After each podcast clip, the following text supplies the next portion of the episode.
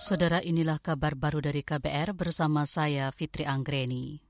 Sebagian negara bagian Amerika Serikat diperkirakan akan segera memvaksinasi para petugas kesehatan mereka dalam tiga pekan ini.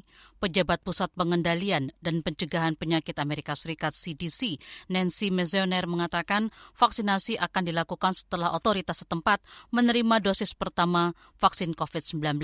CDC memperkirakan akan ada sekitar 40 juta dosis vaksin untuk virus corona yang tersedia pada akhir Desember.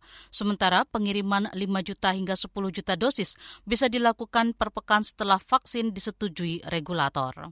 Ribuan petugas kelompok penyelenggara pemungutan suara KPPS di Kabupaten Banyuwangi, Jawa Timur reaktif COVID-19. Hasil itu diketahui setelah seluruh petugas KPPS menjalani tes cepat menjelang Pilkada serentak ke-9 Desember akan datang.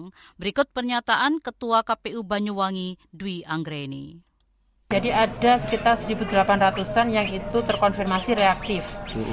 Ya, terkonfirmasi reaktif dan sudah dikoordinasikan dengan Dinas Kesehatan oleh Rumah Sakit NU dan disarankan untuk isolasi mandiri karena regulasi kami pun juga jika ditemukan yang reaktif untuk mengisolasi mandiri. Jadi pada tanggal 9 Desember besok mereka sudah melakukan isolasi mandiri selama 10 hari.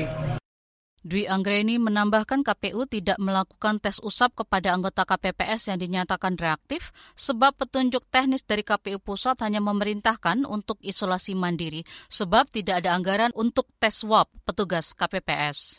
Komisi Pemberantasan Korupsi KPK membuka peluang menetapkan tersangka korporasi kasus dugaan suap izin ekspor benih lobster di Kementerian Kelautan dan Perikanan KKP. KPK juga tidak menutup kemungkinan akan menerapkan pasal tindak pidana pencucian uang terkait kasus tersebut.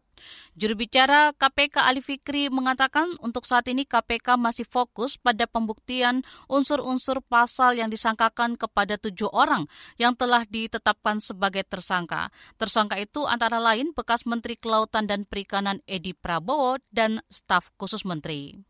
Demikian saudara kabar baru dari KBR, saya Fitri Anggreni, salam.